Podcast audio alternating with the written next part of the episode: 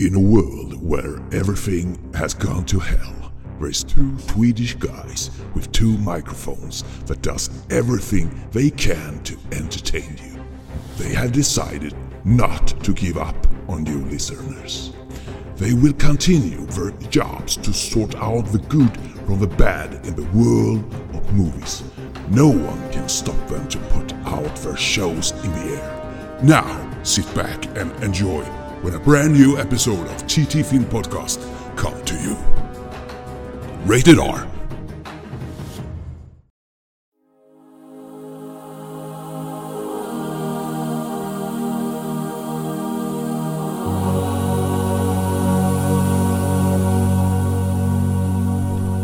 Då välkomnar vi alla våra kära lyssnare tillbaka till ytterligare ett eminent avsnitt av TT Film Podcast. Och som vanligt så drar jag väl lite grann om vad som kommer hända här i avsnittet. Eh, vi kommer ha mycket på tallrik i det här avsnittet så att eh, jag hoppas det finns en palett här som eh, passar några av era smaklökar.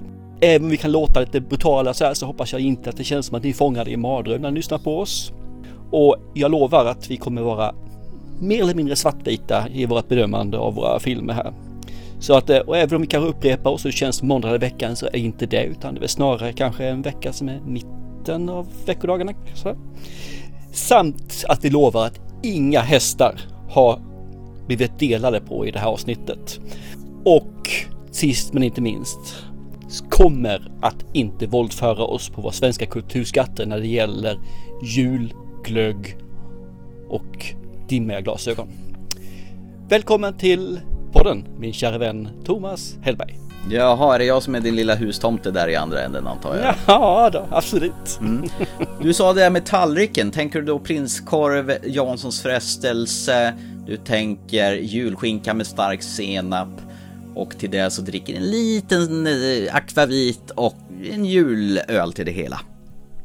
Nej, jag tänkte mer på kanske mer lite skummat som är dekorerad med alger från den närliggande stranden. Eller kammusslor som man plockat upp från bankarna utanför och så vidare. Oh, vad äckligt! Det där är ju ingen jul.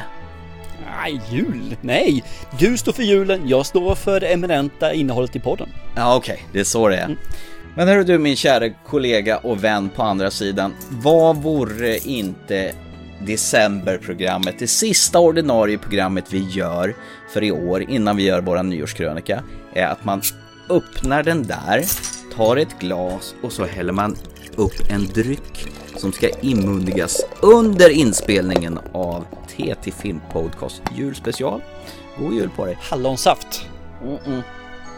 Idag dricker vi faktiskt en Oppegårds Winter Ale. Dagen Ja, hela. ja, visst.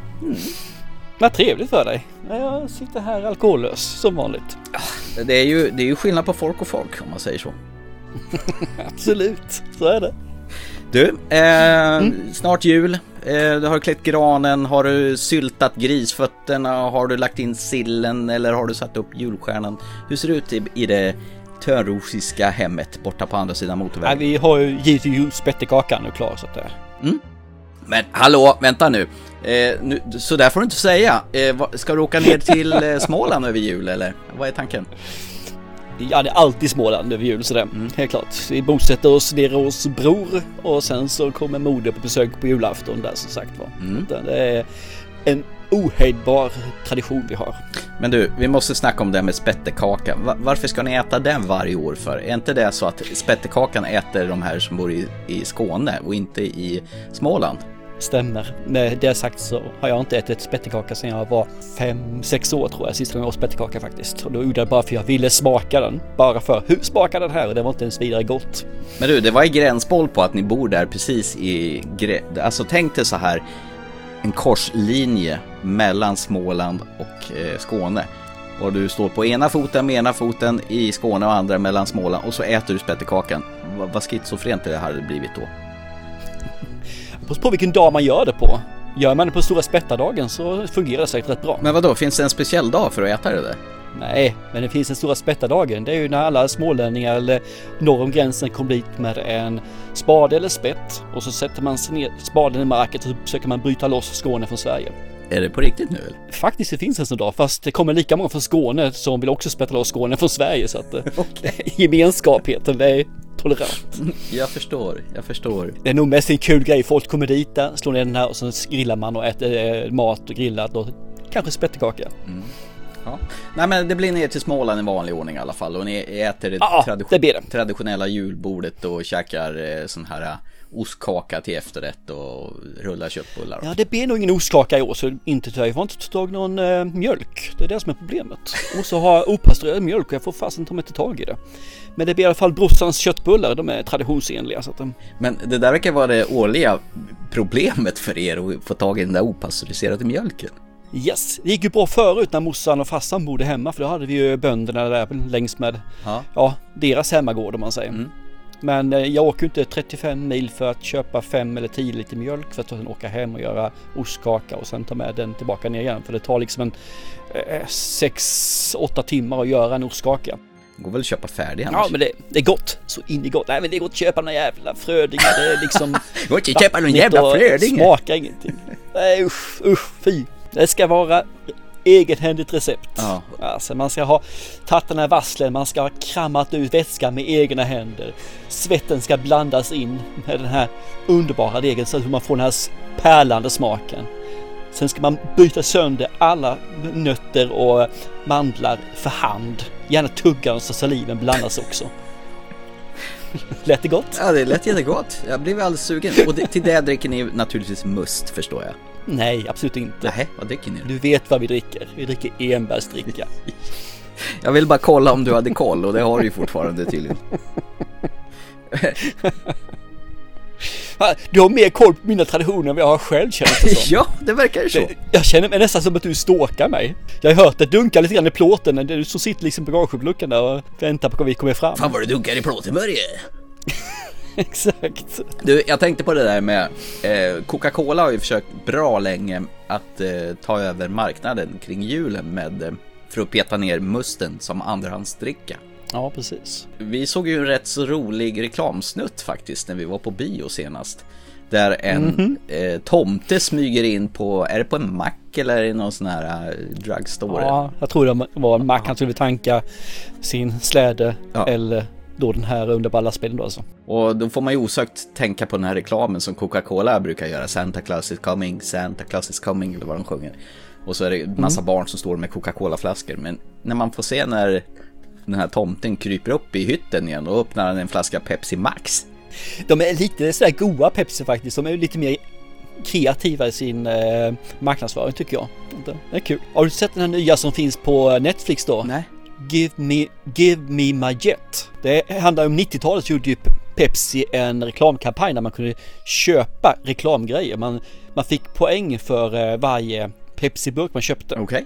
Och så kunde man köpa t-shirt, glasögon, sandaler eller vad för någonting. Och då hade de satt upp vissa så här, en t-shirt eh, 100, ett par glasögon 250, ett par sandaler 25 och sen så ett Harriet Jet 7 miljoner poäng. Oj, shit. Mm, precis.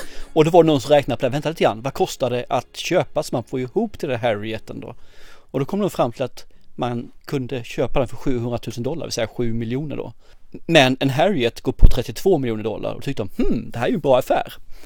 Och givetvis och ska, skapa ihop de här 7 miljonerna och sen så, så vill han ha sin Harriet då från Pepsi, för han vill ju köpa den för de här 7 miljoner markeringarna. Och det där är faktiskt ett riktigt mål som har då gick upp i, ja, rätten då som sagt var. Skulle de ha rätt? För det stod inte någonstans att det här var fake eller att det var några sådana här, här små bokstäver man säger liksom så här textremsa att det här är liksom fake bla bla bla utan det var helt tomt. Mm. Eller skulle de ha förstått att det kan inte köpa en Harriet för 700 000 dollar när det kostar 32 miljoner dollar. Vad blev det för utgång av det hela då? Ah, utgången är att de skulle ha förstått. Mm. Att, eh, men vill du se hela resan så kan du se den på Netflix. Den var eh, rätt underhållande. Okej, okay, vad kul. Eh, vet du vad som är mer underhållande? Nej. Nej, det är att eh, värma upp dig lite grann inför det här programmet och ge dig en... Eh, Pop quiz, hot shot. What do you do? What do you do? Vad du har längtat va? Du har gått i excess på det där alltså? Ja, men det är så roligt att se till att du hamnar på helspänn och helt utan förvarning eh, få något sånt här uppkastat i ansiktet på dig, helt utan att du är förberedd. Så du kastar upp, eller så? Ja, det kanske du gör för att du är så jäkla nervös nu. Hur känns det eh, så här på andra sidan och behöva bli drabbad av de här? Jag trodde jag skulle vara safe nu. Fasen. Jag trodde det var min tur att ge till dig, men nej, nej. Kör på då. Vad är det jag ska kunna nu för något? Ja, det här är ju faktiskt en julspecial popquiz bara för att. Det är ju vårt julprogram. Ja. Mm, mm. Så att eh, Okej. det här blir faktiskt upp till bevis hur mycket du kan om de här eh, julfilms jul-tv-traditionerna. Och det- är väl inte mer än rätt att du får lite påfrestning så här i början av programmet. Ja, shoot. Ja, men vet du vad? Du får hela två minuter på den här gången. Så snäll är jag. Ja, ja, trevligt. Tio frågor. Så det är fortfarande stressmomentet alltså? Ja, det måste ju vara stressmoment. Ja. Du vet, five minutes and counting. Fast i ditt fall så är det bara två. Ja, vänta lite grann så ska jag rätta till mig här då. Ja, Okej. tagga till den ordentligt så här. Slå dig i pannan och så här. Ja, jag är redo. Och du vet inte ens vad... Så länge det inte är musik så. Ja, okej. Men du, vet, du eh, vill inte veta vad vinsten är? Förra gången var det ingen vinst. Då var det att du skulle få välja och då kanske vinsten den här gången är att eh, jag får välja. Eller nej? Eh, Grejen är, om du vinner, då får du välja nästa ämne. Om jag vinner, får jag välja nästa ämne. Och du måste kunna alla tio frågorna. Om du inte kan det, då vinner jag. Okej, hur många bultar finns det i Ölandsbron? Nej, det kommer inte komma med, så, så det är lugnt. Men eh, jag tänker att jag sätter igång klockan här nu. Så jag måste ha tio frågor på två minuter? Ja, absolut. Känn ingen stress. Okej, det är 12 sekunder per fråga. Okej. Mm. Ja, är du med nu då? Ja. Jag, jag börjar om Tre, två, ett, kör! TV-programmet Kalle Anka önskar god jul sänds varje julafton klockan 15. Och vilken kortfilm är den första som visas i programmet efter att Musse spelat trumpet, trummor och bas? Är, är det Tomtens verkstad? Nummer två. I vilken film säger Gunnar Jag behöver en grogg. Varpå Thomas säger Vad är det för fel på den du har då? Gunnar säger Den är slut. Tomten är far till alla barn. Fan, du har två rätt. Det hänger bra. Eh, Fråga nummer tre. Direkt efter Kalle Anka klockan 16 sänds alltid Kan du vissla Johanna där Berra saknar en morfar som äter grisfötter, fiskar och trycker en slant i handen när man fyller år. Hans bästa kompis Ulf vet var man får tag i en på ålderdomshemmet. Men vem är det som spelar den ofrivillige morfarn? Jag kan ju inte hans namn alltså. Jag har sett den här filmen två gånger. Ah, fan, kan, vad heter han? Ehm, Du, du får säga pass. men då, då har jag förlorat ju. Ja, det har du gjort. Nej, då säger jag inte det. Vänta lite grann. Han är gammal. Det var han som strippade i Hylands hörna en gång i tiden. Ja, okej, okej. Fan också. Oj, vad klockan går här nu. Eh, vänta, vänta, vänta, vänta. Eh, per Oscarsson. Ja, det är rätt. Fyra. Kör snabbt för fan. Va? Kör snabbt! Ja, Ja. tiden går ju. I vilken julspecial hör vi replikerna Var är min lille vän? Jag sitter ju här. Nej, jag talar om Skåne. Svensson Svensson. Men, Svensson Svensson, kör. Du har fyra rätt av fyra. Kom, kör, kör! I Karl-Bertil Jonssons julafton sänds varje julafton klockan 19 och byrådirektör HK Bergdahl inviger julklappsbordet med sin svärmor. Eh, Karl-Bertil Jonssons far berättar att för Bergdahl att sonen har gett herrskapet en julklapp till en fattig, vilket var troligtvis morbror Arturs tändstickstavla med Bodens fästning på. Och så säger Bergdahl det var förbanne mig det finaste jag hört sedan jag konfirmerades. Och vad bjuder han Karl-Bertil på för något? Ett fikon. Ja, det är rätt det också. Jävlar, det går bra för dig. Du har fem av fem. Nummer sex. I filmen Die Hard blir Nakatomi-byggnaden kapad av tyska terrorister på julafton. John McClane pratar en hel del i telefonen med skurkarnas ledare Hans Gruber. Vilket ikoniskt förolämpande uttryck myntar John McClane som får följa med i samtliga filmer? JPK motherfucker. Kör vidare, snabbt. Fan, du har ju 10 sekunder på varje fråga. Du menar att de, frågorna är för långa för att det ska räcka i två Ja, minuter? precis! Ja. Vi säger att du får eh, en stund till på det då. 7. I Stranger Things spelar han den aviga polischefen. Vi har även sett honom som Hellboy. Nu är han bioaktuell som Tomt i actionstänkaren Violent Night. Vad heter skådisen? Eh, det är polisen vi snackar om det alltså. Ja, Ehm, han spelar Hellboy också. Hellboy. I den nya Hellboy är han va? Inte den gamla i alla Ja. fall. Uh, det, fan heter han? Da- David Harbour. Ja, fan, det rätte jag också. Jävlar, det här är inte bra. Det hade jag inte räknat med. 8. Uppesittarkväll före julafton. Ha- Där har Bingolotter blivit en institution och skaffat sig monopol på Uppesittarkväll TV. Inga andra kanaler konkurrerar längre. Vad kostar en standard bio Bingolott numera för Uppesittarkvällen? Han? Hur ska jag veta det här? Spelar du aldrig Bingolotto? Uh, 50? 9. I julfilmen Ensam hemma där Kevin blir kvarglömd av sina föräldrar så använder Kevin sina MacGyver-skills mot inbrottstjuvarna Harry och Marv som försöker göra inbrott i Kevins hus. Vad häller Kevin i källartrappan som fälla åt tjuvarna? Klister? Fråga 10. I filmen En päron till farsa, det är sista frågan, firar jul kämpar Clark Griswold, alltså Chevy Chase karaktär, med att skapa julstämning. Bland annat med att sätta upp 25 000 importerade ljus från Italien på utsidan av sitt hus. Men när han ska koppla in strömmen så händer ingenting. Varför? Uh, jag, jag tror att det är att katten har gjort någonting. Uh, har katten gnagt isär eller sånt där?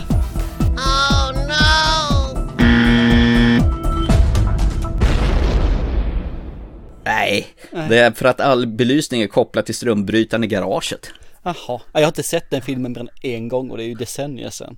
Och en Bingolott kostar på uppesittarkvällen 100 spänn. Aj, jag har aldrig köpt en Bingolott i hela mitt liv, fan.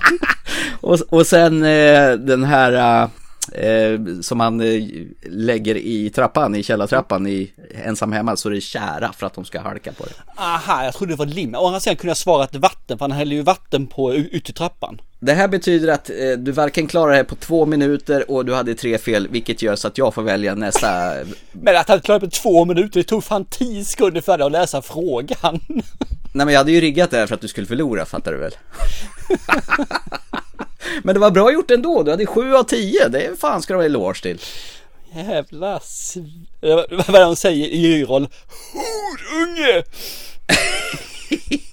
Det är 1-0 till mig, höll jag på att säga. Vi slog ju vad om en låda cigarrer. Exakt. Pop quiz, hot shot. What do you do? What do you do?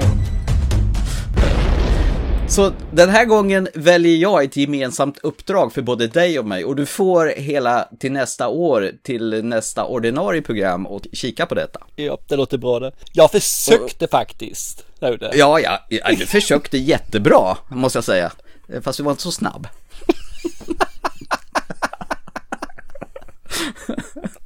Tack för den! Jag satt här med tå och tänkte jag svarar ju innan du är färdig. Jag gjorde mitt bästa liksom och det är bara Nej, jag ska läsa klart frågan till slut. Ja. Kommer du ihåg den här eh, Zootopia? Mm? Du är sengångaren där, så det. Som jobbar på bank. det. Det var ju roligt. De drar Det- ett skämt där som där. tar 11 år att berätta. Ja, det är väl något liknande. Nej, men eh, det här var ju riggat så att du inte skulle kunna ta alla tio förstås. Det verkar genomgående att du riggar alla sådana här saker. Ja, men det blir roligare för mig då. Ja, precis. Men du, jag måste ställa en fråga, jag ska gå tillbaka lite grann. Du ställer en massa frågor om mina jultraditioner. Hur ser din jultradition ut här nu då? Jaha, du, du tänkte lite på mig också? Ja, jag gjorde den här gången. Jag vet att det är lite ovanligt, men Nej, jag tänker att borta är det här med att vi firar jul tillsammans allihopa på en och samma gång. Just på att eh, föräldrar och svärföräldrar börjar bli lite till åren så. Mm. Jag tänker för, för att det ska vara så lugnt och skönt som möjligt så delar vi upp det i två dagar. Eh, julafton så tar vi min sambos föräldrar, eh, hennes pappa är, är över 80 år så att han behöver lugn och ro tänker jag. Och sen eh, juldagen så får mina föräldrar och eh, min dotter Sandra och han, mitt barnbarn Dexter komma över så vi kör två dagars jul helt enkelt. Ja, Okej, Okay. Ja, men det var ju som vi gjorde när vi var små då. Då hade vi ju en dag hos mormor och morfar och en dag farmor och farfar då ju. Ja, vi har faktiskt provat det här och liksom försökt dela upp julafton på två ställen men det blir bara ett jädra flängande och det är bara stress. Så det la vi ganska raskt ner att det- funkar inte så. Nej, jag eh, håller med. Jag, jag vill att julafton ska vara lugn och utan stress i den mån det går. För det är Fasen alltså hålla på där flänga, det är ju, det försvinner ju allting. Då blir det ju bara stress, stress, stress och då har man i alla fall under året så det spelar ingen roll. Eller behöver man inte ha det en dag till.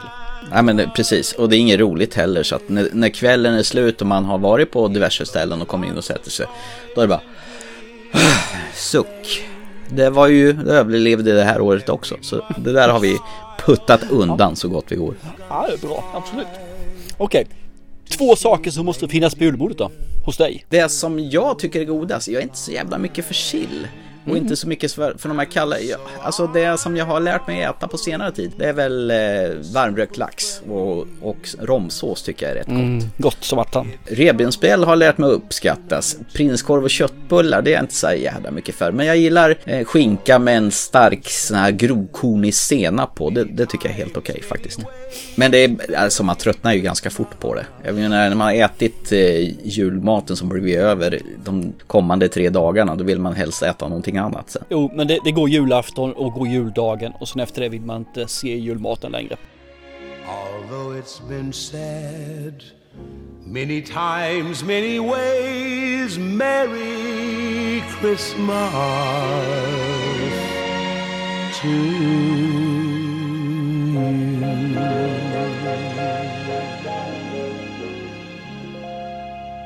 Men för att återgå till vad vi ska, du och jag ska få i uppdrag till blir näst, nästa program då. Det är att se eh, den miniserien på Amazon Prime som heter The English. Jaha, okej, okej, du menar så. Med Emily Blunt i huvudrollen. Eh, jag har varit jättesugen på att se den, men jag tänker mig om inte jag ger oss i uppdrag att se den här sexdelars serien så, så blir det inte av. Du menar vi ska se hela serien alltså? Åtminstone två avsnitt tycker jag man borde kunna klämma. Ja, För varje absolut. avsnitt är ungefär 51 minuter per styck. Så att två avsnitt borde man kunna ta. Okej, The English. Då kör vi den. Absolut.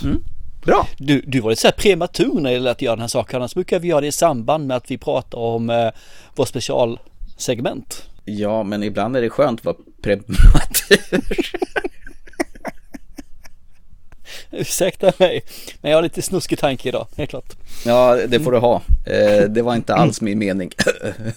Ja, jösses. Vi kan återkomma till i slutet av vårat eh, dagens utmaning som du eh, gav oss båda. Ja, men du, ska vi fortsätta med jul lite grann till eller?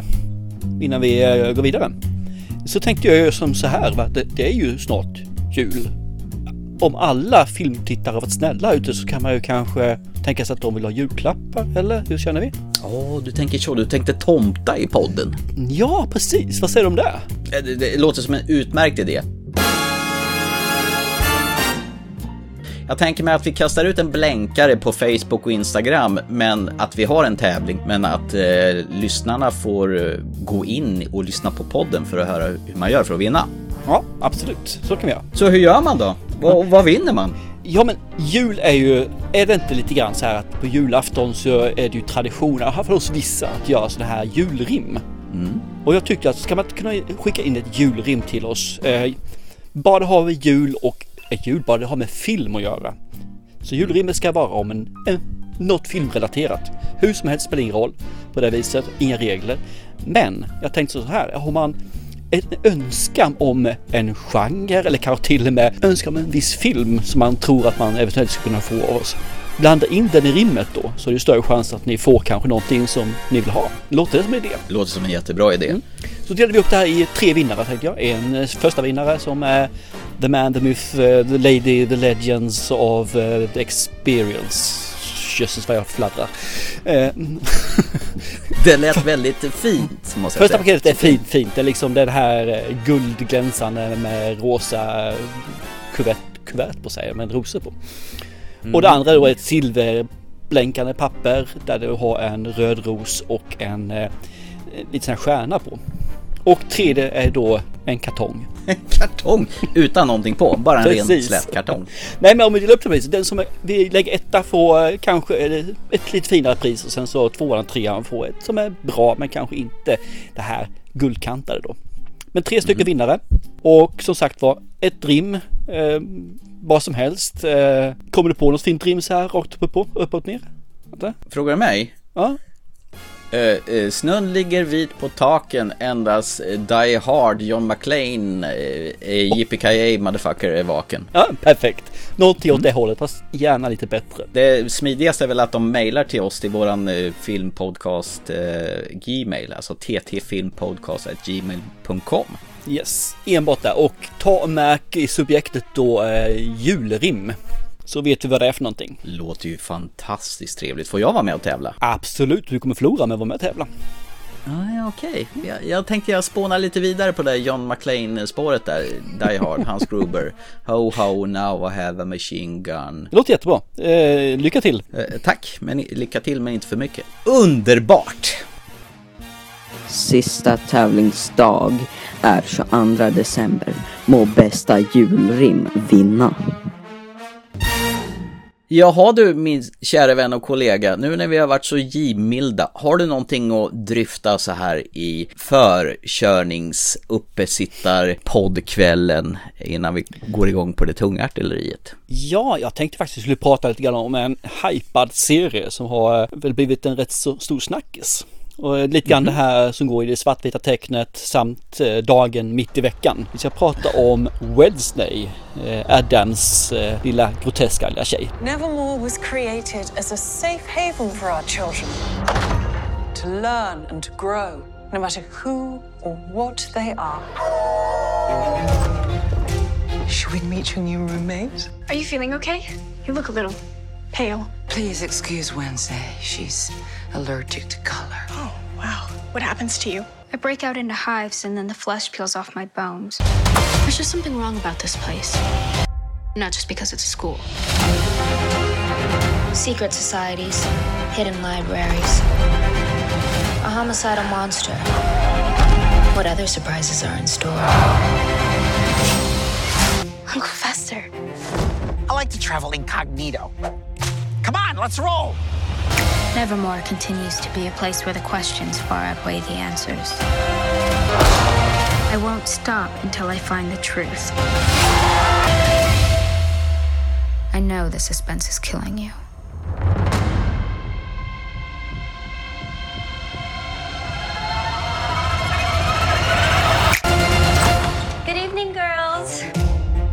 Miss Thornhill. I trust Enid has given you the old Nevermore welcome. She's been smothering me with hospitality. I hope to return the favor. In her sleep. Oh, oh, oh, den har jag sett när hon fuldansar. Det är väl egentligen det enda jag har sett av det. Hon står på någon dansgolv med en kille där och jag fick sån här Pulp Fiction-vibbar nästan lite grann. Ja, precis. Hon har ju korrigerat den, eh, den eh, dansen själv också. Så att, alltså, mm. Hon har ju verkligen satt ihop allt det här eminenta. Den, den är, ja det finns ju överallt nu den här dansen. Alla ska ju göra den här. Eh, på TikTok och överallt vad jag har hört. Men det, det är en underbar scen faktiskt. Eller? Absolut. Och du som du säger, lite Pulp Fiction-varning är det på den. Jenna Ortega är väl som spelar eh, Wednesday Adams antar jag. Stämmer, stämmer. Och gör mm. det jäkligt nice. Jag har sett hela säsongen och den här är ruggigt god faktiskt. Alltså, lite för, eh, jag hade gärna sett den lite mer tyngre och lite så här. Men jag förstår ju att man inte gör det för det här ska ju vara, jag tror det är 13 års gräns på den på Netflix. Men jag hade gärna mm. sett att man kanske gått upp ett eller två snäpp till och gjort den här lite brutalare. Men det är ju, det är ju jag det. Men den, passar. Är det en fullblods familjen Adams-serie eller fokuserar de ju bara, jag kan ju gissa att hon har ju huvudrollen där. Med tanke på att den heter Wednesday så är det hon som har fokus, ja. Vi kan väl börja med att det, börjar med den här att hon har ju återigen blivit utkastad från en skola, Wednesday då ju. Ja, det är faktiskt en scen som jag blandar ihop med en annan film om du kommer ihåg den här eh, skräckfilmen vi tittade på som jag inte kommer ihåg namnet på nu på bio. Ja, ja, The Orphan, eh, First ja, Kill. Ja, precis. Orphan, First Kill ja. Om jag blandar ihop den här filmen med då så hade jag sett en trailer där det, hon i Orphan går fram med två påsar med piraya och kastar in i en bad, en pool. Ja, liksom. just det. Mm, vilket inte var The Orphan utan det var ju den här då ju, Wednesday som jag hade blandat ihop det med. Den scenen är ju med i början för hon gör ju det för de håller på och mobbar ju hans, hennes bror och hon menar på det är bara jag som får tortera min bror och sen så ser hon då till att pirajer äter upp eh, pungkulorna på vissa av pojkarna där. Och eftersom det här är 50 år med utsparkat så får hon sätta henne i en specialskola som hon får göra liksom. Och den här specialskolan är ju då för de här som är lite konstiga om man säger så. En obsklass så att säga? Nej, mer en obskola. Men obskolan i det här fallet är att folket som bor där är ju eh, syrener, vampyrer, varulvar, eh, folk som är osynliga, gorgons och sådana här saker liksom. Och så då Oj. Wednesday som då har sina egna egenheter. Så det här är liksom, kan man kalla det monster förskola mer eller mindre. Under den här perioden så har man ju fått med hela familjen i stort sett. Efter det så kommer resterande familj bara lite som inhopp under kanske en, en fjärdedels program eller ett halvt program eller så liknande. Så allting kretsar kring Wednesday egentligen och kanske The Thing också kan man ju säga. Jenna Ortega har ju en egenhet i den här filmen där och det är att hon uttrycker aldrig känslor förutom när hon blir då blir skrämd eller attackerad om man säger fysiskt. Då ger hon någon typ av känsla även om den är väldigt minimalistisk. Så hon har ju hela tiden nollställs ansikte. Om man tittar riktigt noga så blinkar hon nästan aldrig heller i filmen utan eh, det är det serien. Utan så fort hon är med så har hon öppna ögon och helt nollställd. Hon ser nästan ut som ett lik. Hon gör det skitbra. Hon är helt eh, jätteunderbar faktiskt. Eh, sen samtidigt har vi ju en rektor där som vi känner igen också. Det är Gwendolyn Christie. Henne känner vi igen från Game of Thrones. Hon är riddaren där, kvinnliga riddaren. Är det hon eh, of Tarth? Eller vad Ja, hon? precis. Det stämmer. Och henne utnyttjar de ju totalt för hon är ju görlång. Hon är ju nästan 1,90 lång sån är. Mm. Och så sätter man på henne ett par pumps också och sen låter man henne segla upp över de andra med nästan ett huvud över de andra. Hon ser ståtlig ut som hon gör. Helt fantastiskt. Ja, jag tycker om, eh, jag tycker om henne som skådespelare faktiskt också. Så sagt. Ja, men hon påminner lite grann om lite andra svulstiga kvinnan, den här Tilda Swinton. Ja, korthårig och blond menar du? Ja, ser lite androgyn ut också. Nej, fan, Gwendolyn är inte androgyn. Inte. Nej, fan! Nej, inte. Nej, det tycker jag inte. Nej, fel av mig. Fel av mig. Man säger så, eh, Wednesday hamnar ju givetvis som vanligt ska hon hamna i delade rum med en och då hamnar hon en som är ju motpolen. Det vill säga en som har känslan utanpå, inte tycker om svart och vitt utan hon har färger så det sprakar över det och hon tycker om gosedjur och hon tycker om allting som egentligen Wednesday inte står för. Allt hon egentligen avskyr. Och de här då blir ju då ett, ja, det vanliga. Två olikheter då blir ju kompisar. Plus och minus. Japp. makarpar. De attraherar varandra där. Båda två gör det riktigt bra faktiskt. Alla här i stort sett gör det bra. Det finns inte någon som gör en dålig prestation. Det är en jättefin, vad heter det, hög nivå på skådespeleriet. Så att, eh, och det är en tonårsfilm där man har lagt till en hel del svärta i som jag tycker är underhållande. Sen i bakgrunden här så ligger det då ett mysterium som sagt var. Vad är det som händer? Vad är det egentligen som sker? För hon blir ju mordhotad. Det finns ett monster som dödar folk och så vidare och så vidare. Då. Den följer med hela tiden. Jag tyckte den var skitskön i början. Håller inte riktigt topp, topp, top notch i slutet. Men good enough för det ska här ska vara en riktigt fin. Att jag ser fram emot en säsong två också. Jo, det kommer ju. Ja, det kommer också. Det får man se hur det blir där. De snackar om att då blir det kanske mer av eh, hela familjen. Men att det fortfarande ska kretsa kring Wednesday har de sagt. Men vi får se om det går igenom. Men med tanke på att den här, ja, det är väl den mest nedladdade filmen genom tiderna. Eller serien genom tiderna hos Netflix. Så kommer det komma en tvåa. Oh shit. Det har blivit monsterhit med andra ord. Det, Eh, det enda som jag tycker lite sådär intressant det är ju liksom att folk håller ju på och skriker och skränar över att du kan ju inte spela en eh, person som är CP-skadad om du inte är CP-skadad. Du kan inte spela en, en person med downs eller autism om du inte har autism. Men här har vi då 16-åringar som spelas av 20-åringar, 22-åringar, upp till, till och med en som är 28 år. Som är då 12 år äldre än vad hon egentligen ska vara.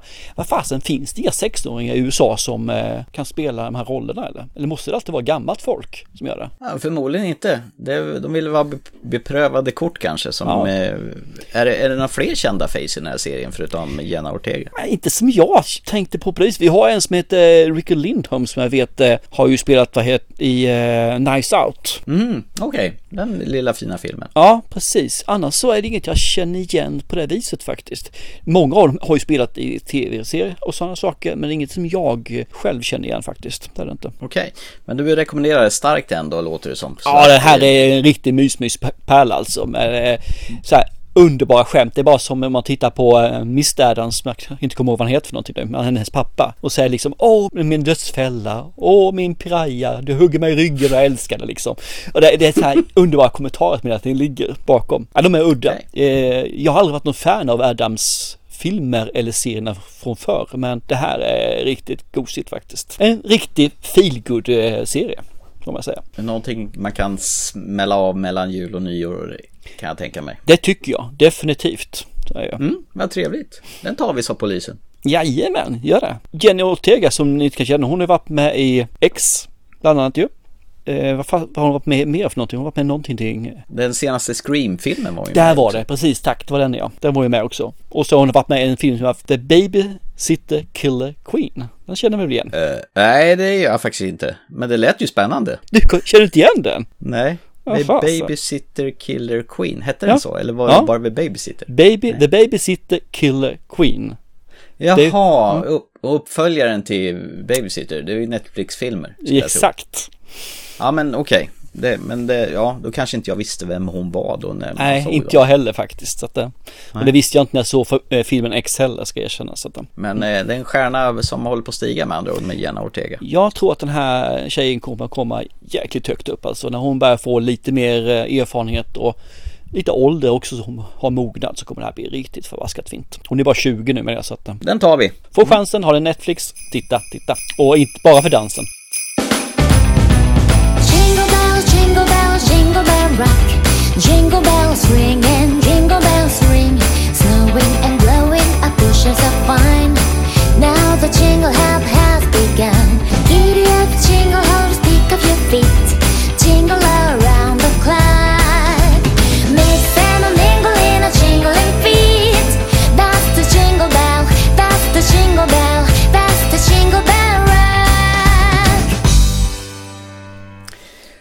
Hör du, ska vi stanna kvar lite grann i julkänslan en liten stund till? Hur låter det? Det gör vi definitivt. Mm, vi brukar ju alltid så här års prata om Karl-Bertil Jonssons julafton. Det är alltså det är ingen julspecial utan att jag har närt en kommunist vid min barm och ska du lukta på gluggen pojk och så.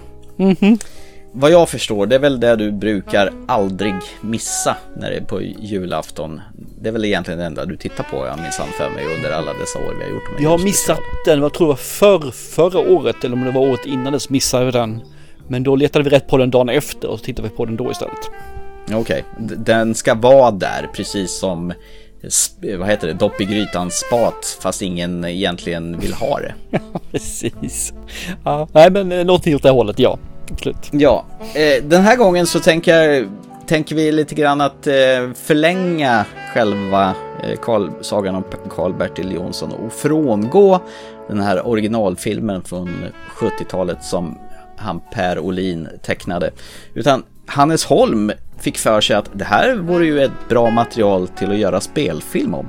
Så att bara för det så, så signade jag upp in mig på SF Anytime häromkvällen och kikade på sagan om Karl-Bertil Jonssons julafton från 2021. Ska du lukta på glöggen? Alla som bor här är krigsbarn vars föräldrar är kvar i hemlandet. Hej mina älskade flickor. Jag längtar efter er var eviga dag.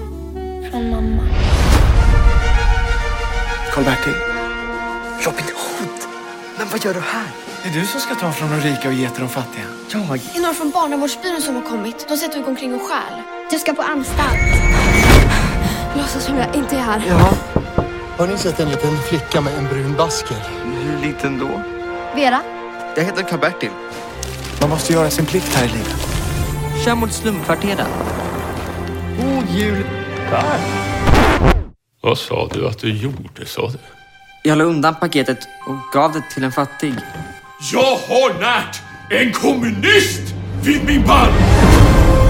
Ska du adoptera bort Ester? Det bästa för din lilla syster är att hon får ett ordentligt hem. Jag har sett ett sånt här brev förut. Men det måste ju vara ett brev från mamma.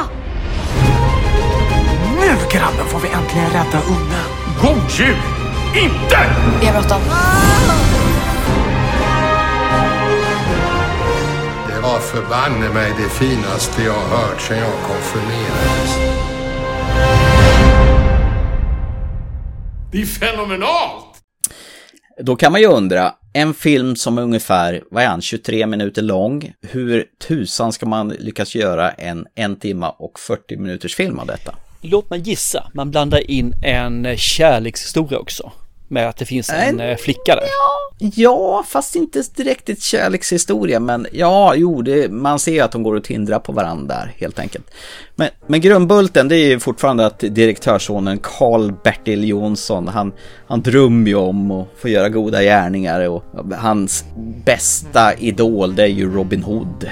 Eh, och så jobbar han ju på posten där. Och med hjälp av taxeringskalendern som han eh, snor från farsan så plockar han ju ur de här paketen som ska gå till sådana som har en högre inkomst än, ja vad var det då det var, 30 000 kronor i månaden eller vad var det? Ja, någonting sånt där. Jag tror, jag tror det var 50 men det kan vara 30. 50 är det nog förmodligen. Och så lägger han ju där i en separat säck där som han sen klär ut sig till med tomtedräkt och delar ut i stadens slumkvarter.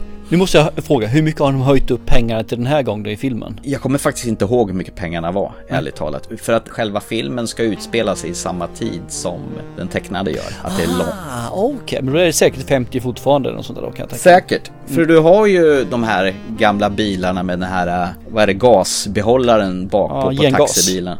Eh, du har ju alla de här karaktärerna som du ser, de här fattiga gubbarna som hasar runt och lyfter på hatten när de går förbi. Du har ju hon eh, som trycker sidenslipsen mot gatflickan som eh, trycker sidenslipsen mot sin barm.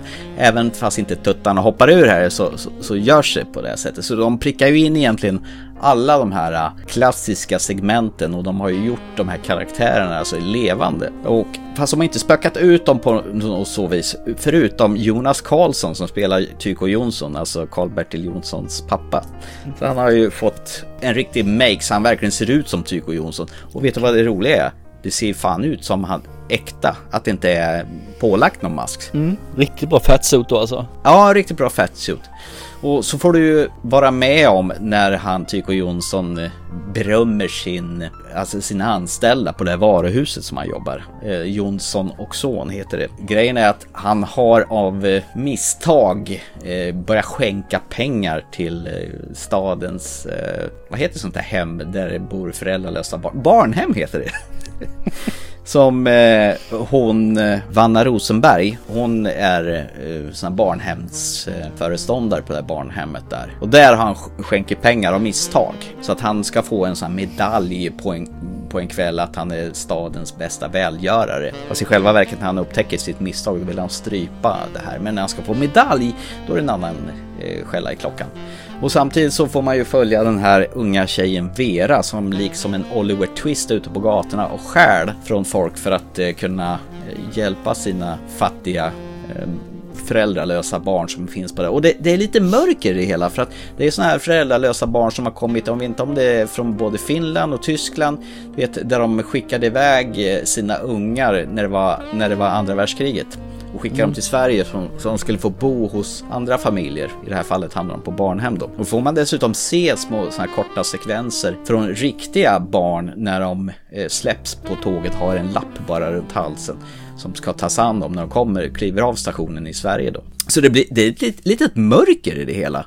Och de gör lite allvarlig i det hela och just den här biten med den föräldralösa tjejen Vera då, som är den lilla smidiga tjuven. Det blir en parallell historia som faktiskt gifter sig in sig väldigt väl tillsammans med Karl-Bertil historien då. Och deras vägar möts.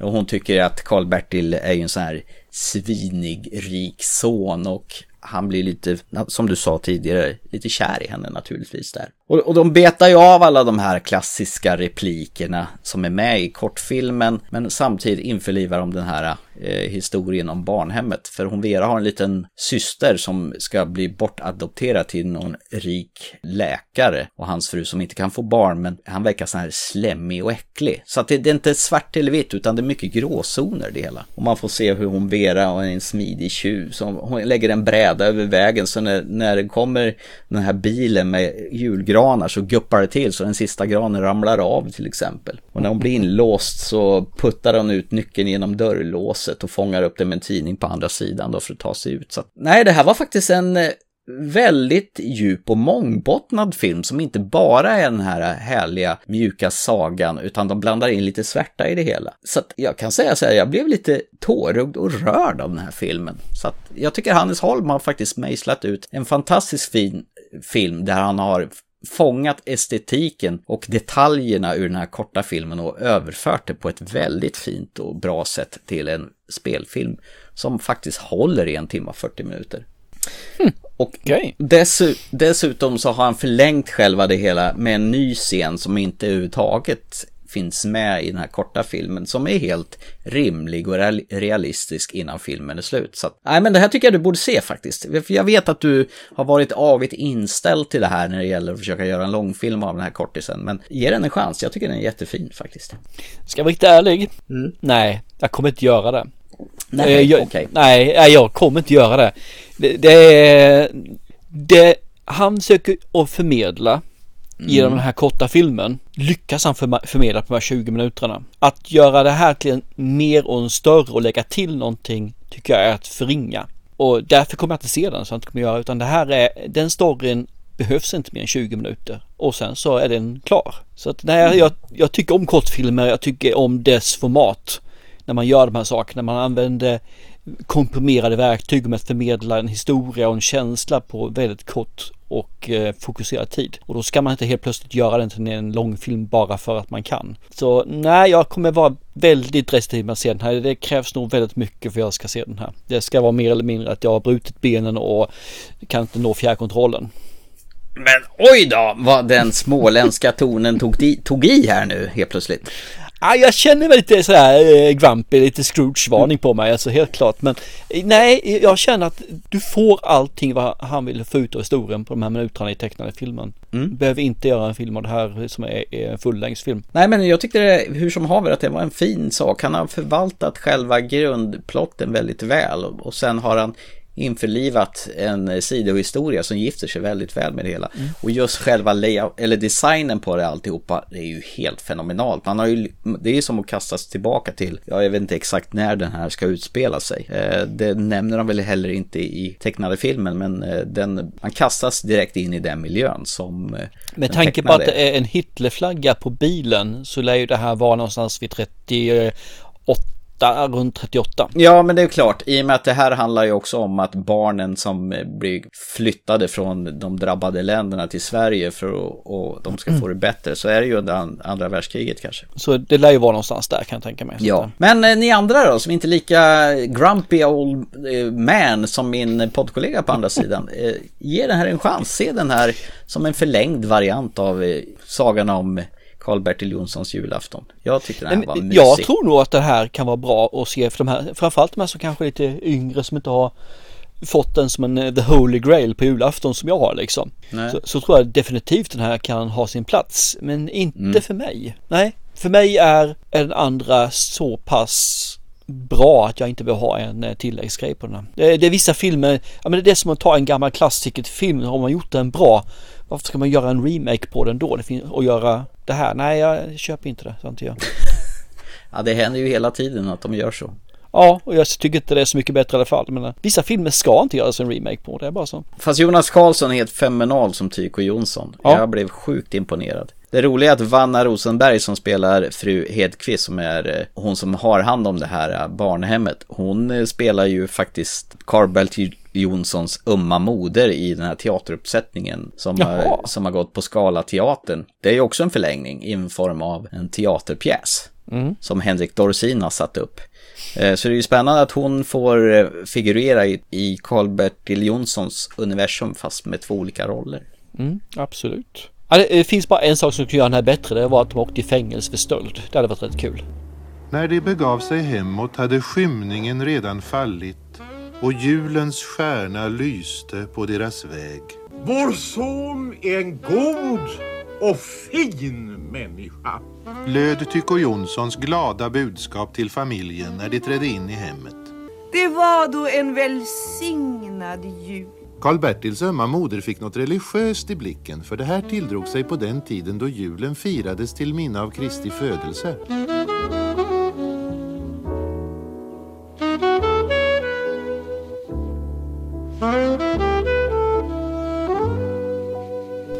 Ska vi gå vidare?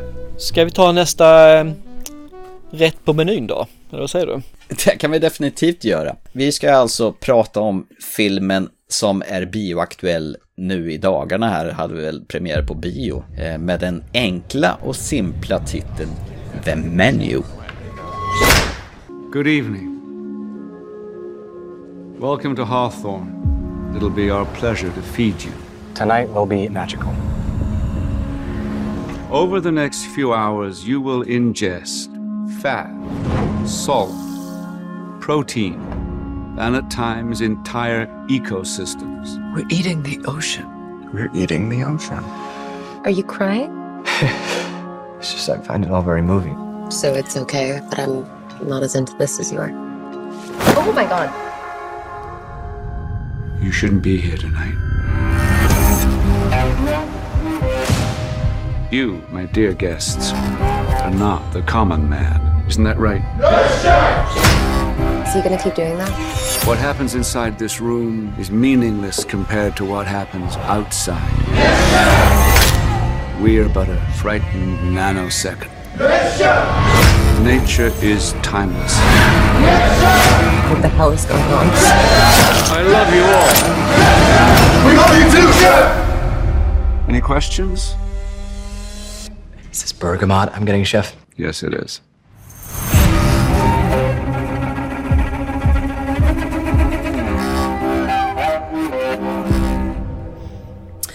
Och, och när du föreslog att vi skulle se den här, jag vet att när, när de annonserade ut den för kanske något halvår sedan att den var på gång och jag visste att Anna Taylor-Joy hade huvudrollen. Då var det ingen snack om saken. Det är klart att vi skulle se The Menu. Precis. Ja. Eh, Den här har ju legat på lupp mig sedan ja, långt tillbaka som jag gjort alltså, så att eh, den har också jag Mm. velat se. Jag såg den på trailer och fastnade ju så jävla hårt för den när det gäller känslan de, de lyckas ta fram i trailern. Man fick inte någon huvudtagen känsla egentligen vad den handlar om i trailern men däremot får man vilken typ av film är det jag kommer få. Ja, det var ju klart tecken klart vi ska se den här så jag väntade ju innan till det kommer på bio och sen så här. Nu, du, jag, imorgon. Och jag sa Yes sir, Colonel sir, vill du se den här? Jajamän, jajamän! Typ, något sånt var det. Den här är ju svår att berätta vad den handlar om så att jag eh, önskar dig all lycka till min kära vän att försöka berätta en plott utan att avslöja någonting. Varsågod. Ja, den blev intressant som sagt var. Eh, jag försöker att dra mig till minnes hur mycket man fick reda på i trailern. Det vill säga inte jättemycket. Och jag tror då är det nog där man ska... Det är nog den nivån man ska lägga det på. Så vi säger så här, vi får egentligen möta två stycken personer. Det ena är Margot och det andra är Tyler. Och den ena av dem är Anna Taylor-Joy, gissa vem? Är Margot kanske? Precis Margot, tack så det.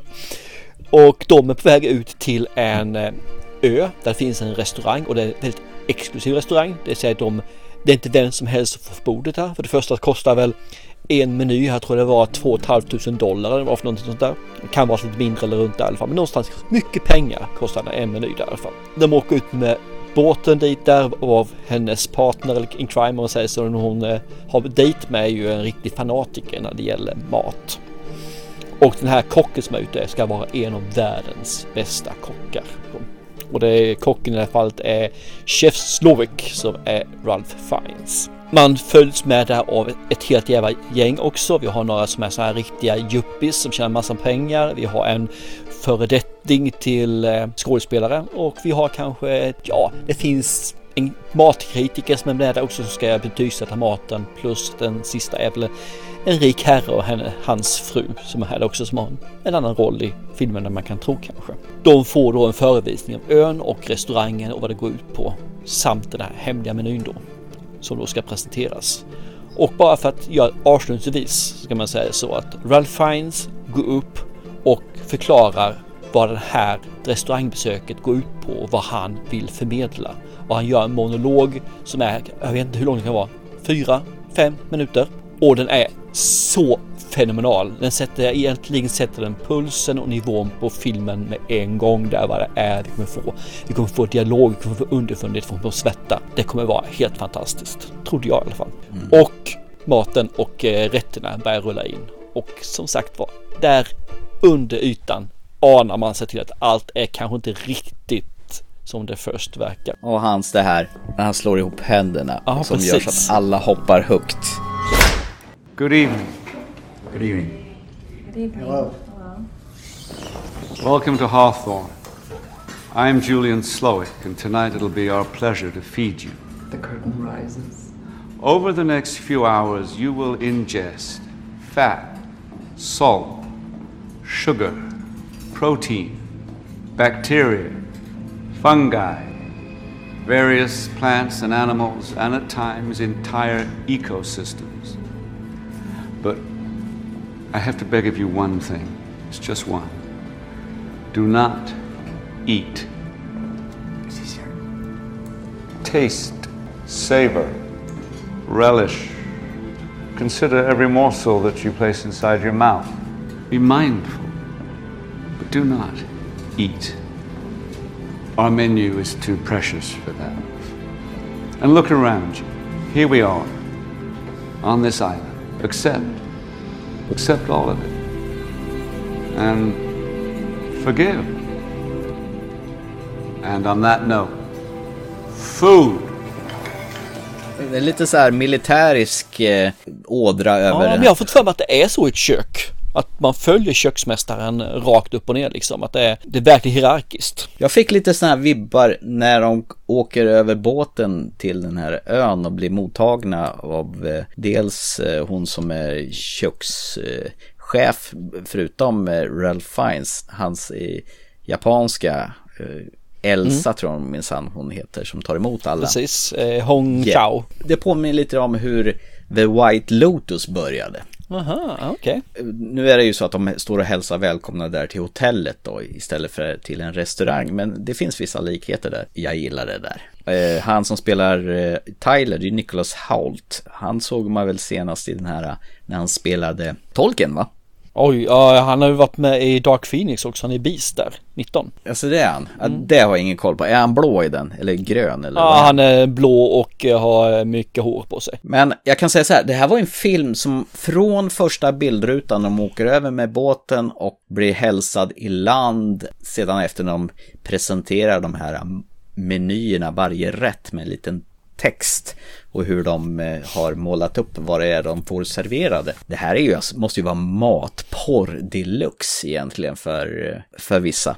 För det är ju en känd kock som har verkligen lagt upp maten också och har gjort menyerna, eller hur de ser ut estetiskt i alla fall. Så de har tagit hjälp av en kock att göra. Ja, för det ser ju väldigt proffsigt ut och Mm. det låter väldigt proffsigt när de presenterar det hela. Det som den här filmen höjer sig från andra filmer, det är, det är alltså det är en väldigt smart och rapp dialog. Och du har ju karaktärer som verkligen beter sig som vanlisar, alltså riktiga människor. Ja, samtidigt som de är ju ytterligheter. Jag vill st- bara stanna kvar lite grann för att folk som kanske inte känner till Hong Chao i det här fallet. Så hon är ju bland annat är hon ju, eh, vad heter hon, Nok Lan Trang i Downsizing. Jaha, den ja, just det. Med Matt Damon då ju. Matt Damon.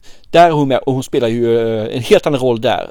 Om man säger så, men man tycker om henne där som man gör. Och samma sak här, hon spelar ett helt annan roll. Hon är väldigt strikt i den här filmen, men hon gör riktigt bra leverans. Jag tycker om henne som skådespelare. Hon är fantastisk, trevlig att se på, man tror på henne. Så eh, Mm. I like her. Och Ralph Fiennes, han är ju helt makalöst bra som chef Slovik. Ja, är det någon som kan leverera en monolog så är ju han en av de få som gör det på det här sättet alltså. Och vi kommer ju ihåg han från Grand Budapest Hotel bland annat som är ju helt makabert bra. Där han också har långa ingående monologer. Nej, han är ju en skådis som är helt fenomenal. Ja, och han har ju ett sånt mäktigt uttryck. Han, han når Mm. ut genom duken. Han, man, man, nej, man blir hänförd när man ser honom. Han har ju liksom eh, dominans, om man säger så. Hur Mm. han... Eh, Pondus deluxe. det är en person som jag tror fungerar lika bra på film som han fungerar på en teaterscen. Och sen har vi våran, jag gissar på att jag talar för oss båda, Anja Taylor-Joy. Hon är en joy att se även i den här filmen. Ja men det är hon, absolut. Jag tycker om henne. Hon har ett utseende som stimulerar som gör att man eh, fastnar liksom. Samtidigt levererar hon ju också sin karaktär på ett fantastiskt bra sätt. Att det, hon är grym i den här filmen. Jag hade tänkt att det var Emma Stone som skulle göra först. Ja, men det, det kan jag förstå. Hon har ju också stora tekoppsögon, så de här... Ja, och, och en styrka också i sin personlighet. Ja, så det hade nog kanske inte spelat någon roll vem av de här två tjejerna som hade spelat den här. För de är ju fenomenala båda två. Men eh, helt fantastisk, makalös. Och hon levererar ju sina repliker. Hon är rapp, hon är bitsk, hon är framåt. Hon säger precis vad hon tänker på och tycker. Hon passar inte riktigt in där, så hon inte gör, nej, om vi säger så. Nej, hon gör inte det. Jag, kan säga så här, det enda som jag visste om den här filmen, jag läste på att det här är en komedi, skräck, thriller. Ja, det kanske tangerar alla de här tre genrerna. Jag vill inte veta mer än det, än att de sitter på omslaget framför en tallrik och har chef eh, Slovik bakom sig med hela sin staff. Mm. Det, det, bara liksom posten gör att man blir sugen på att se den här filmen. Ja, men jag kan hålla med faktiskt, säger jag. Jag, jag tycker om den här filmen. Det, det är ju lite, vad ska man säga?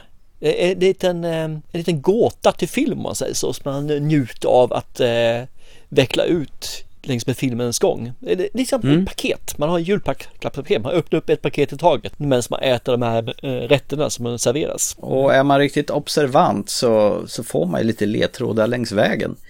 Eh, så att den här filmen skulle nog inte skada att se om den när man liksom vet hela menyn. Om man så säger. Nej men jag, jag håller nog med. När vi gick från biografen sa att det här är en film som jag tyckte om spontant när vi gick därifrån. Jag aldrig mer kommer se den. Men jag håller mm. nog med, den här filmen behövs nog ses en gång till. Bara för att. Och jag tror att jag kan se det tillsammans med min kära son och han tror att han skulle uppskatta den här filmen faktiskt ganska mycket. Vi såg väl den här i onsdags förra veckan, det är snart en vecka sedan. Och mm. Den här har ju levt med mig i bakhuvudet sedan dess. Den är svår att släppa. Så att eh, en film som suger tag i en, som håller en i järngrepp från första till sista bildrutan. Det är ju någonting väldigt extra. Och det är väldigt ja. sällan man känner så, eller man, nu talar jag för mig själv. Det är sällan jag känner så om en film som verkligen griper tag i en och håller en på halster. Halstrad eh, genom hela filmen.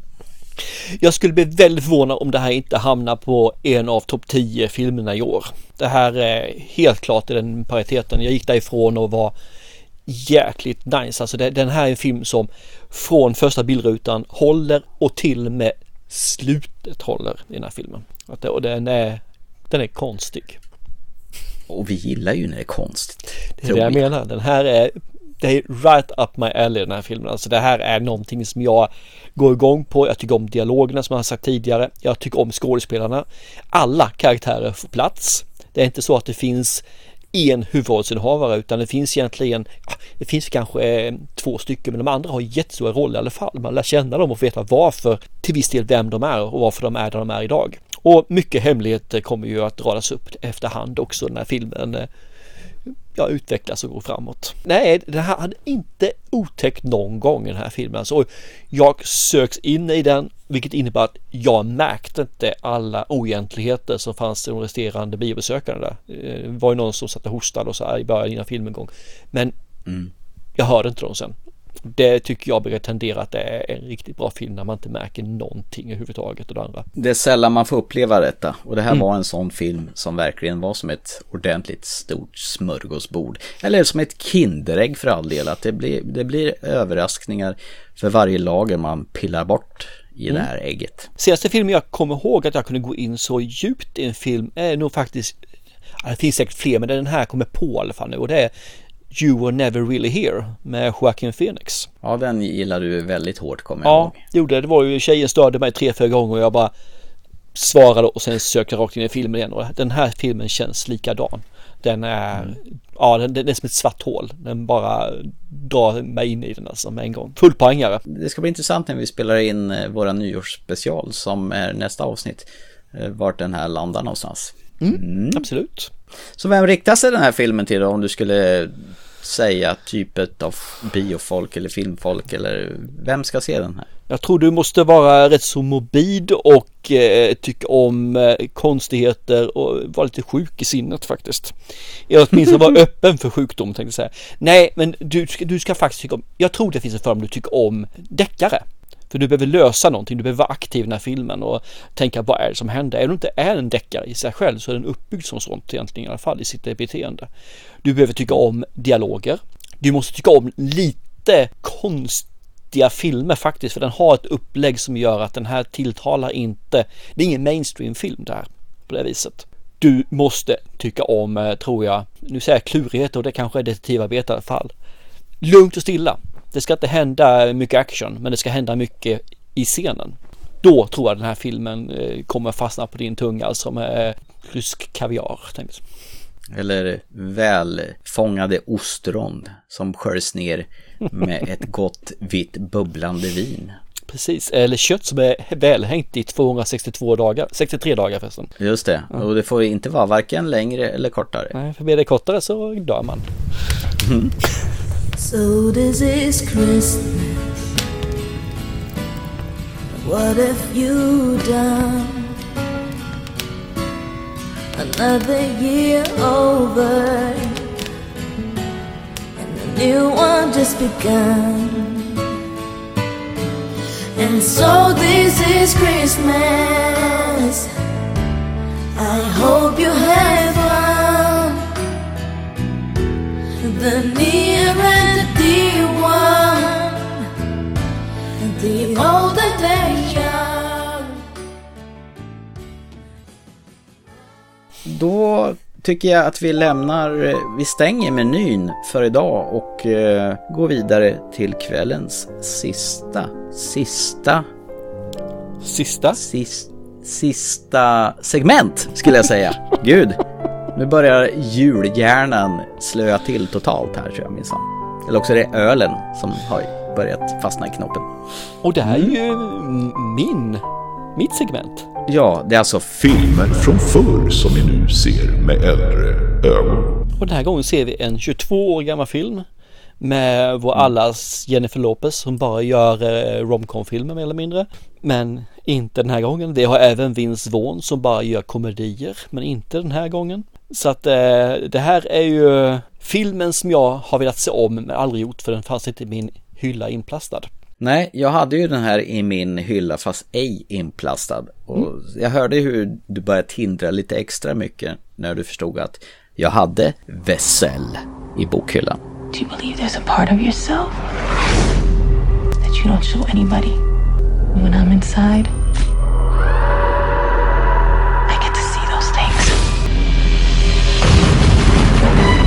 girls were kidnapped, tortured, and murdered.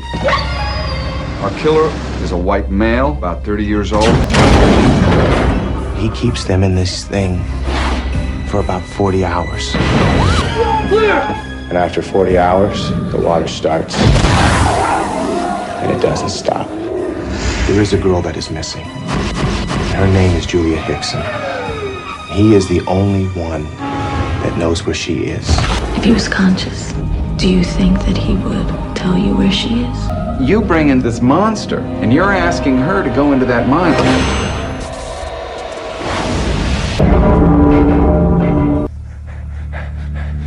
She's gone very deep into his world. So she's made contact.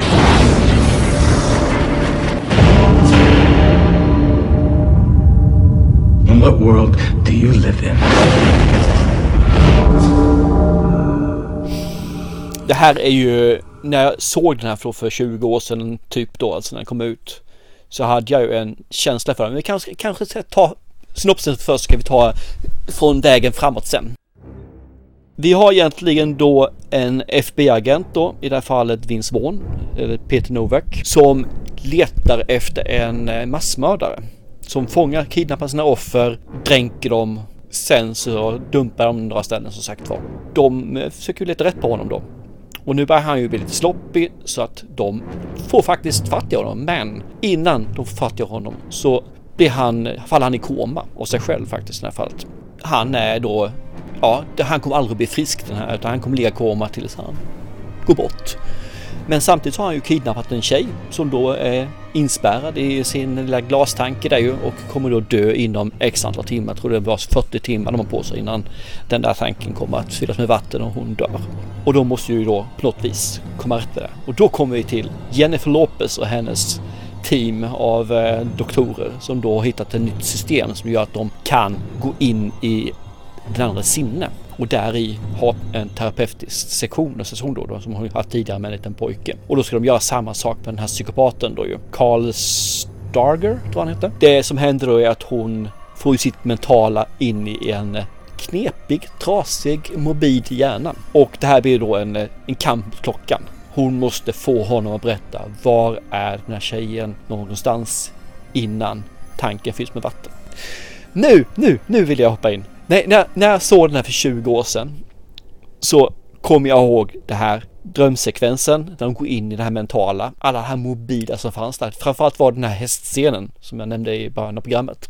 Ja, det måste ha fastnat ordentligt på dig. Ja, det var en sån här sak som fastnade ordentligt gör och det, den är så jäkla snyggt gjort fortfarande. Det är förbaskat snyggt när de delar upp den här hästen i sex eller åtta delar och man ser hur hjärtat slår fortfarande i respektive del som är uppdelad och så här. I liked it, det är ju förbaskat bra. Jag kommer ihåg de andra också, de här morbida eh, människorna som då är stympade, som är liksom uppställda som leksaker, som dockor, som, eh, ja men lite grann att man har eh, gjort om dem liksom till något annat samtidigt som man då fortfarande är människor-ish i hans hjärna. Och sen så har man då den här liten pojke som då ska föreställa det här som fortfarande är friskt i honom då om man säger så. Det är den här lilla delen av hans mentala hjärna som fortfarande då fungerar enligt våra mått mätt. Och så har vi den andra delen då som är monstret, guden, nämn vad du vill om den, men det är i alla fall den som är den dominanta i dagsläget då.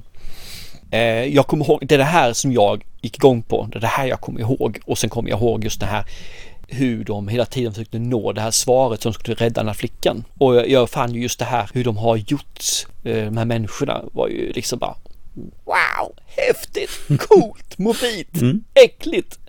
I liked it. Det, det är min eh, för 20 år sedan uppfattning av filmen.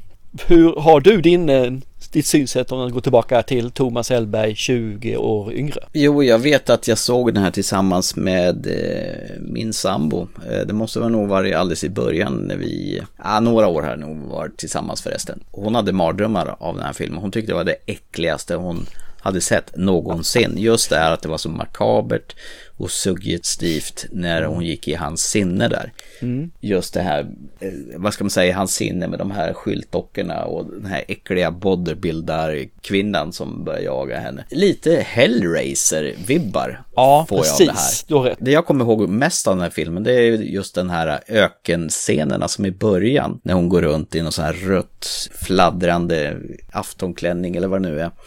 Och just det här att han hängde upp sig i taket i krokar. Ja, det var de här drömsekvenserna som eh, var spejsade. Och att han skulle dränka tjejerna i de här vattenfyllda tankarna. Och att de hade bråttom att försöka hitta på innan nästa tjej eh, full offer. Då. Det var väl de här basgrejerna jag såg. Men just det jag kommer ihåg mest att hon, min sambo har pratat om den här filmen genom alla år. Jag försökte få henne att se om den här för att få lite kul också i och med att hon tyckte den var äcklig. Eh, men, men jag lyckades inte det så jag fick se den här själv den här gången. Okej, okej. Mm. Jag minns den som en jävligt spännande och annorlunda och säregen film. Där om eh, Jennifer Lopez hade väl aldrig gjort någonting sånt här tidigare. Nej, hon har inte gjort något liknande efteråt heller. Och det är lite synd. Jag menar, hon passar väl som handen i handsken där. Även fast hon kanske inte var riktigt bra och vass som skådespelare eh, år 2000. Men hon är fantastiskt vacker att se på. Ja, och hon har ju inte blivit sämre. Hon är lika vacker idag. Men att Vince Vaughn var med, jag vet inte, men jag kanske inte visste vem han var då. Så att det var ju lite spännande att se en superung Vince Vaughn som FBI-kille som eh, samarbetar med henne i den här filmen. Visst var det kul att se det? För jag har ju alltid tagit honom med alla de här romantiska komedier och töntkomedierna som han har gjort innan. Typ Wedding Crashes, eh, Trubbel i paradiset och så vidare. Han har ju också hållit sig till det här komedifacket och Jennifer Lopez har väl också varit den här romantiska komedifacket när hon har gjort film. Så att det här är ju helt ett steg åt sidan mot vad de brukar göra. Mm. New Line Cinema som släppte den här. Jag har nog faktiskt varken före eller efter att ha sett någon film som liknar den här överhuvudtaget. Nej, jag tycker verkligen om den här för den är som du säger, den är unik. Ni vet att den som Mm. skrev det här manuset, han har tagit avstånd från filmen för det är vad filmen blir i slutändan är så långt ifrån manuset som skrev från början. Så att det, han säger att det är inte samma film längre. Så han hoppas ju på en remake där de kan göra det enligt det ursprungliga manuset. Men jag tycker det här är en ruggigt fin film alltså fortfarande idag. Jag såg den här tillsammans med min eh, store son. Ja. Och bara liksom vill ha, för tyvärr kunde inte jag se den tillsammans med sambon heller för hon jobbade. Så då blev det med sonen och efteråt så frågade jag liksom, vad tyckte du? Ja, den var konstig, sa han. Ja, okej. Hur då konstig?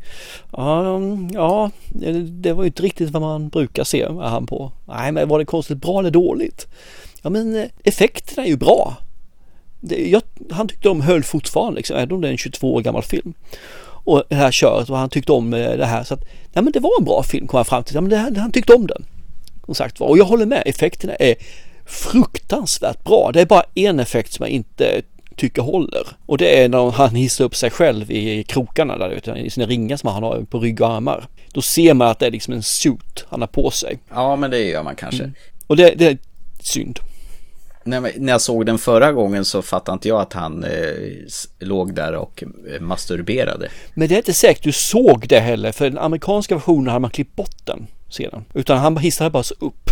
Masturberingen här kom till E- Europa-varianten. Eh, Mhm. Okej, för det här kändes liksom det här var ingenting jag kopplade ihop förra gången så att antingen så var det så eller också så fattade jag inte det. Eller kanske är som du säger att det var bortklippt i den versionen man såg på Den hyrvideo. en europeiska versionen var den med på. Men du kan ju mycket väl ha fått den här via en amerikansk eller något liknande. Eller Mm. hur det kan ha varit. Jag kommer faktiskt inte- heller ihåg det. Men det är ju sånt där som man kanske inte tänkte på då när man var i den åldern. Eller det var det enda du tänkte på i den åldern? Ja, ja, fast det var ju jag själv, inte andra pojkar. Nej men den är fortfarande jävligt obehaglig och eh, just det här stressande att han tar de här kvinnorna och medvetet torterar dem med hjälp av, skickar i lite vatten först i de här tankarna och sen fyller vi på och sen låter dem drunkna. Doppar han väl dem i typ eh, Blekmedel. bl- blekmedel för att de Mm. ska bli så här dockliknande eller vad man ska säga. mm. Eh, sjuk sinne av en eh, sjuk hjärna som har hittat på den här filmen och det brukar ju bli bra då. Ja men absolut. ja men det, det är lite kul, så för du har Jennifer Lopez som då är, ja, ung och gör ju sin första sån här film och har inte blivit någon heller efter det som sagt var. Vi har Vince. Vaughn som man då man ser en ung Vince Vaughn som sagt var som också går utanför rollen och så har vi ju den här eh, The Bad Guy också ju som sagt var. Mm. Eh, Vincent eh, Oforio eller vad fasen Det är uttalas svårt namn. Ja, Vincent i alla fall då.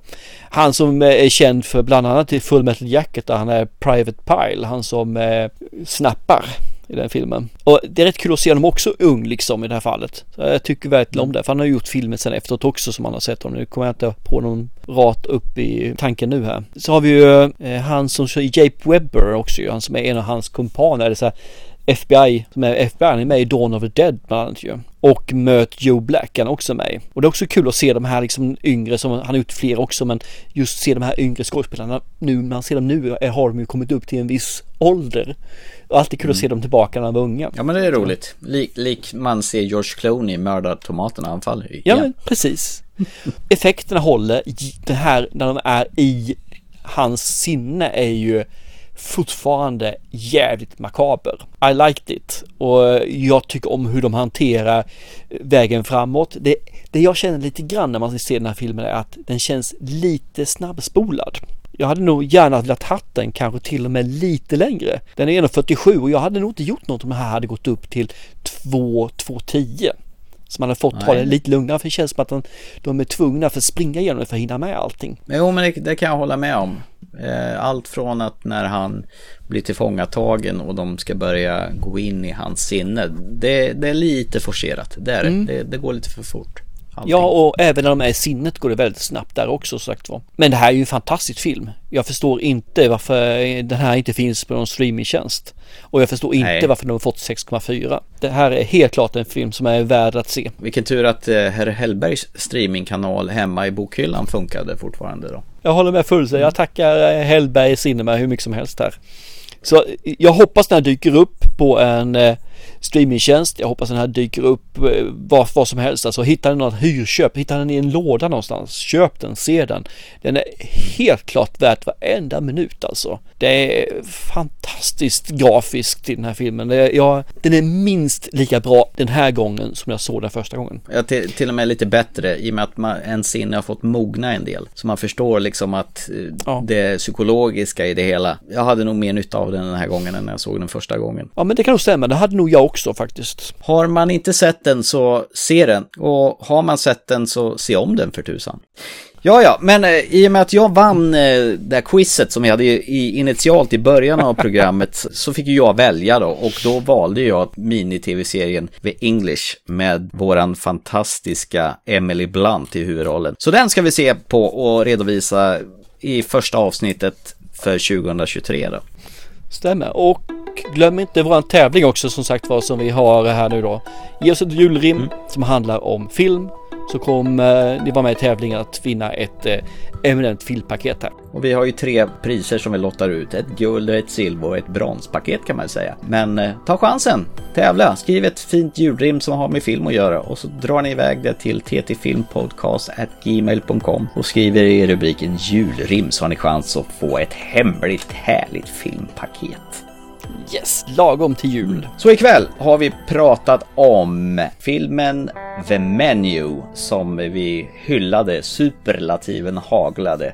Och vi har pratat om tv-serien Wednesday som finns att beskåda på Netflix som eh, Thomas Törnros gör frivolter över och rekommenderar alla att se den. Vi har även pratat om eh, filmversionen av sagan om Karl-Bertil Jonssons julafton som jag tyckte var fantastiskt mysig och trevlig och fick till och med en liten tår i ögat. Men eh, min kära poddkollega vägrar att se den har vi konstaterat. Och sen till sist så har vi gjort vårt uppdrag och pratat om Vesell, filmen med eh, Jennifer Lopez och Vince Vaughn från 2000.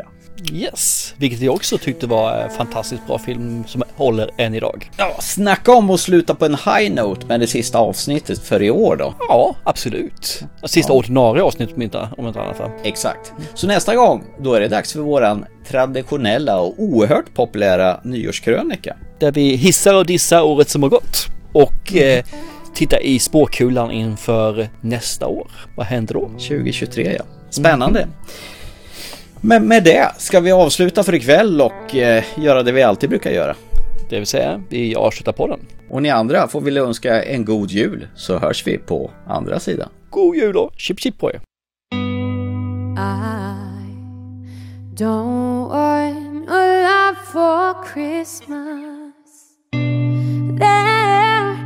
is just one thing I need I don't care about the presents underneath the Christmas tree. I just want you for my own, more than you could ever know. Make my wish come true. All I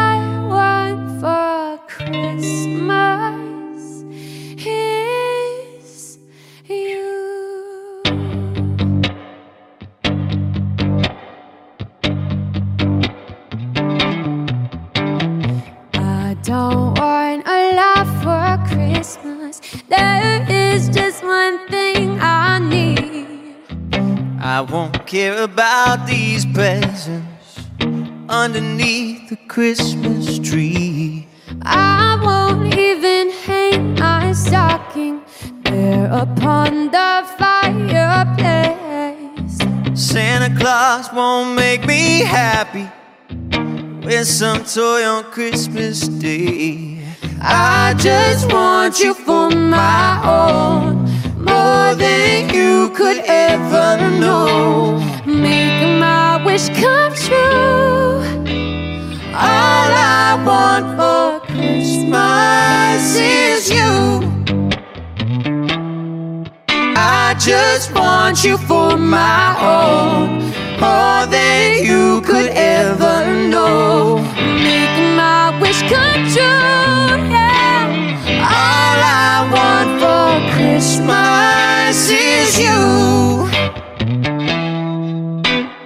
All